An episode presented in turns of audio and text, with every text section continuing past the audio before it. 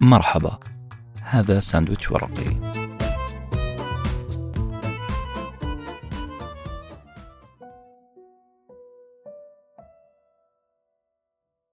حلقة اليوم. هي الباب الثالث من أبواب التخلص والانعتاق. وعنوانه استوصوا في قناعاتكم خيرا.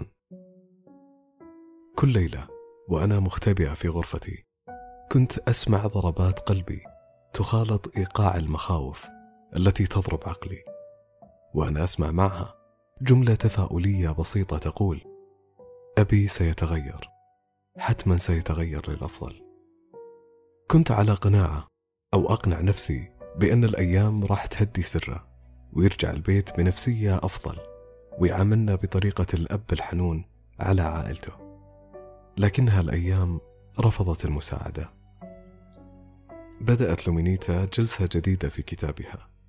بكلامها عن قناعتها بأن والدها سيتغير. قناعتها بأنه توفى قبل أن يحقق لها هذه القناعة. للأسف قعدت لومينيتا على قناعتها بأن والدها لم يحبها لأنها لا تستحق الحب.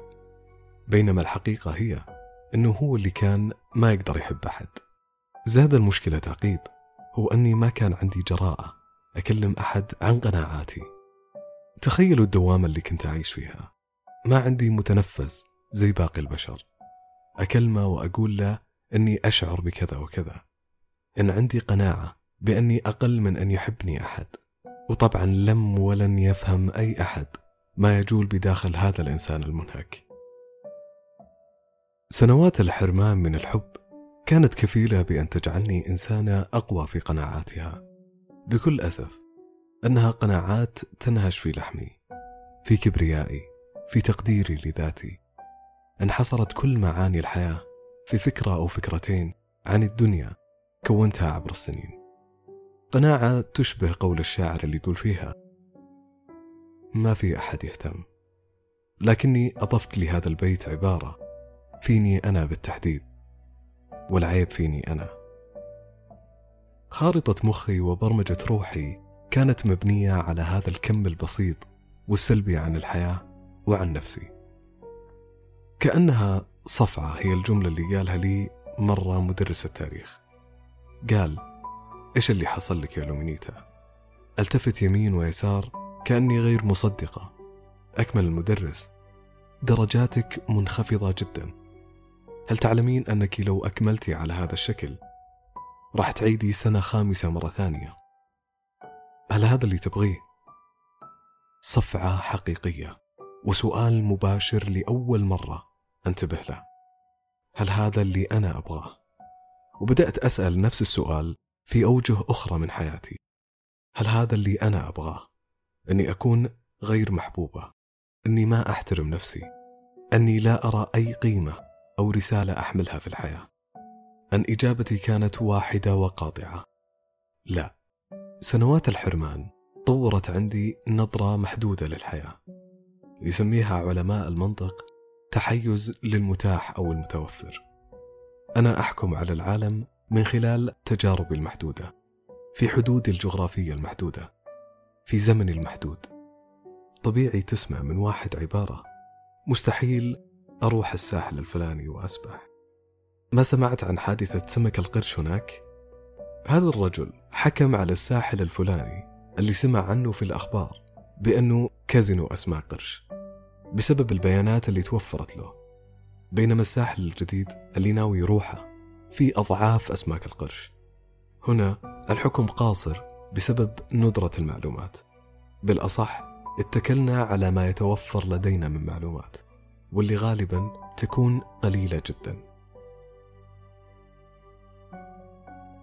هذا الشيء اللي حصل مع لومينيتا كم الخبرات اللي عاشتها وغالبها إذا ما كان كلها خبرات سلبية خلاها تحصر نظرتها في الحياة مع شوية أفكار. قناعات. القناعات كلها تصب ضد مصلحتها. وهنا حصل التآمر بين عقلها قناعاتها وتجاربها عليها. مؤامرة أنهكت قواها وخدرت كل خلية ممكن تصحيها من غفوتها. لكن السؤال المهم هل تبغي تعيشي في هذه الحياة؟ كان صفعة حقيقية. اكتشفت أخيرا أن الناس تتعامل مع الآخرين بالطريقة التي يريدها هؤلاء الآخرين بمعنى أنا ما سألت نفسي سؤال ماذا أريد؟ من أنا؟ وكيف هي الحياة التي قررت أن أعيشها؟ ما سألت ولا خططت ولا نفذت فكان من الطبيعي أن الناس لا يعاملوني بالطريقة التي أريدها هم أصلا ما يشوفون أنا مين وإيش قيمتي لأني ما عرضت كل هذا كل اللي شافوه إنسانة ما تحب نفسها لا تحترم نفسها ولا تجد لها أي قيمة. طبيعي أن يعاملوني كما يروني. في تلك اللحظة اكتشفت أن اللي لازم يتغير هو طريقة تفكيري في نفسي وتعلمت تنظيف هذه القناعات المحدودة والبيانات المعدودة وأن أكون أكثر تفتح ذهني على الحياة. اللي حصل هو تنظيف من سموم أرادت الاستقرار في تجويفات عقلي. أرادت واستقرت حتى لحظة إجابتي على السؤال. ماذا أريد حقا؟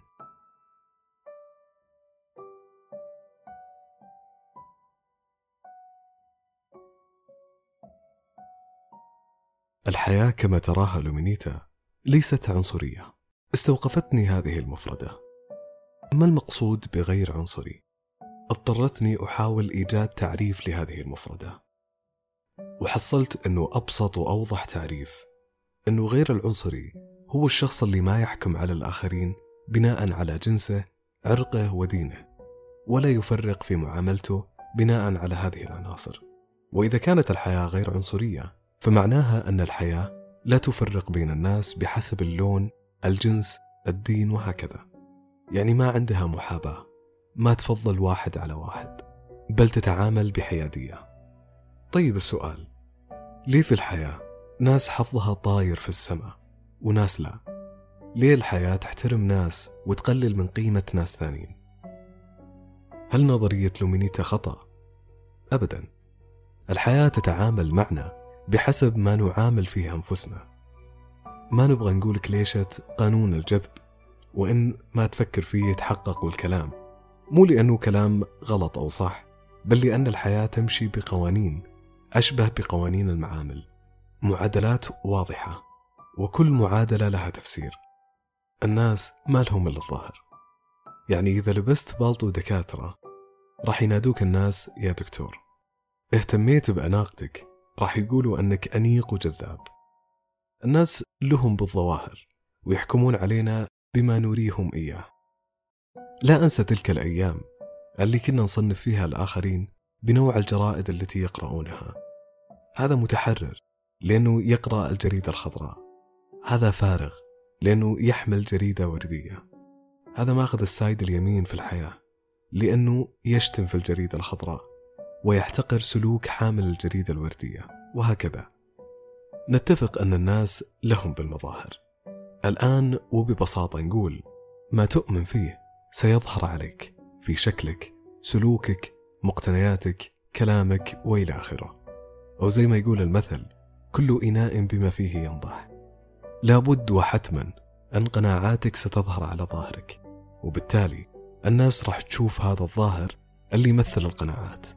لذلك ببساطة نقول بمجرد أنك تخلق داخلك مساحة استحقاق للتقدير راح يظهر هذا للناس وبالتالي يتعامل الناس مع هذه الحقيقة.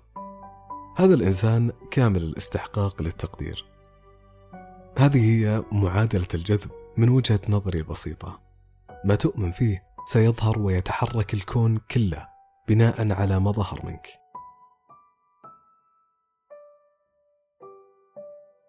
روزانا شابة أمريكية راسلت مؤلفة الكتاب بخصوص علاقتها مع والدتها.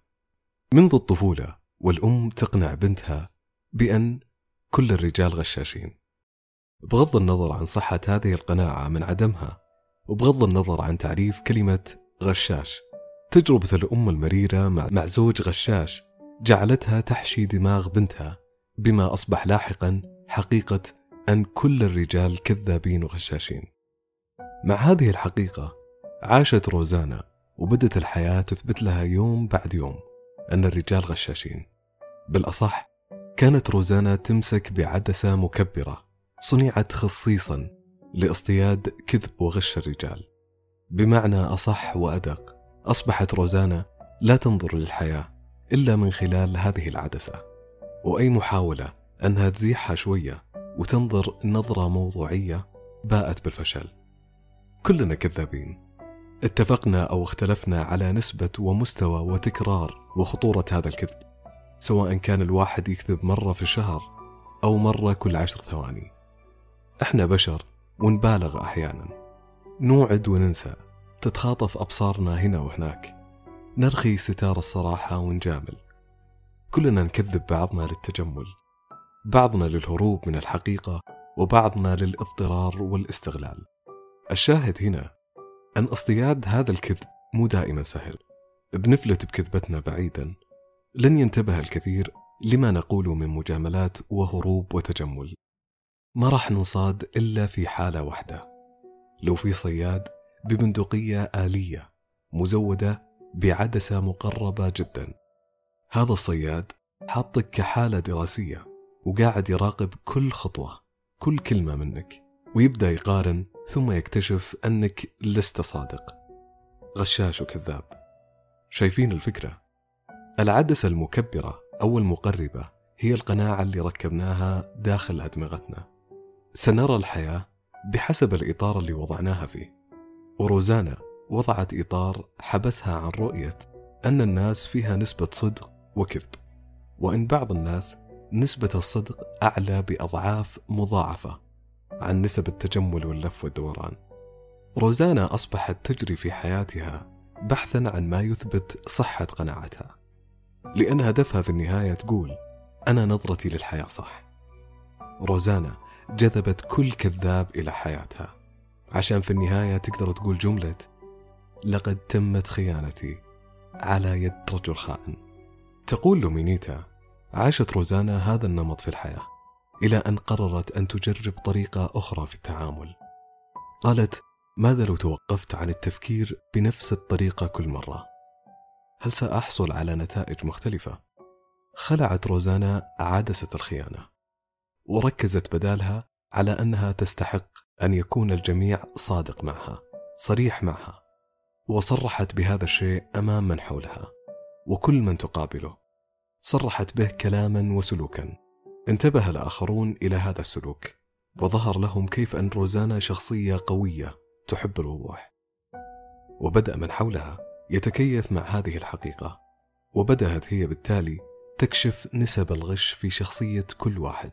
بمعنى لم تعد تعمم التعميم الذي يقتل الفروق بين الناس.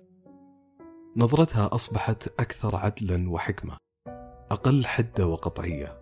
وبالطبع النهاية السعيدة بحسب لومينيتا أن روزانا صادفت الشخص المناسب. صادت بعض أخطائه تجاوزت عنها بمزاجها. ومجازيا تم عقد اتفاق مهادنة وعدم خيانة طويل الأمد مع هذا الشاب. كل هذا حصل لأن روزانا عرفت من هي. ماذا تستحق؟ وكيف تظهر هي؟ وما تستحق أمام الآخرين؟ رئيسة وزراء بريطانيا الراحلة تاتشر. أول امرأة الحديدية اللي تحدت كل الأصوات الرجالية المشككة في قدراتها. لها مقولة رهيبة تقول راقب أفكارك لأنها ستصبح كلمات. راقب كلماتك لأنها ستصبح أفعال. وراقب أفعالك لأنها ستصبح عادات. راقب عاداتك لأنها ستصبح شخصيتك. وراقب شخصيتك لأنها ستصبح قدرك. نحن نصبح ما نفكر فيه. أبي قال ذاك ولذلك فأنا أعيش بشكل عظيم. وهذا بالتأكيد كلام عظيم من سيدة استطاعت قلب الطاولة على فكرة هيمنت على عقول الجميع. المرأة لا تنفع للسياسة. أعتقد أنها أجدر شخصية بغض النظر عن رأينا فيها. أجدر شخصية يجب أن يعمل عليها أبحاث. أبرز ما في شخصية تاتشر هي أنها شالت الإطار اللي يحد من تحركات عقلها. ما انحبست في فكرة لا أنفع للسياسة. تخطي حدود القناعات اللي عملته تاتشر لأنها اقتنعت تماما بأنه مدام هناك حدود لعقلي إذا هناك حدود لحياتي. لو انحبس عقلي في قناعة أو اثنين كلامي راح يكون داخل هذا السجن وبالتالي حياتي كلها داخل سجن قضبانه من إنتاج مصانعي الشخصية. في حفظ الله.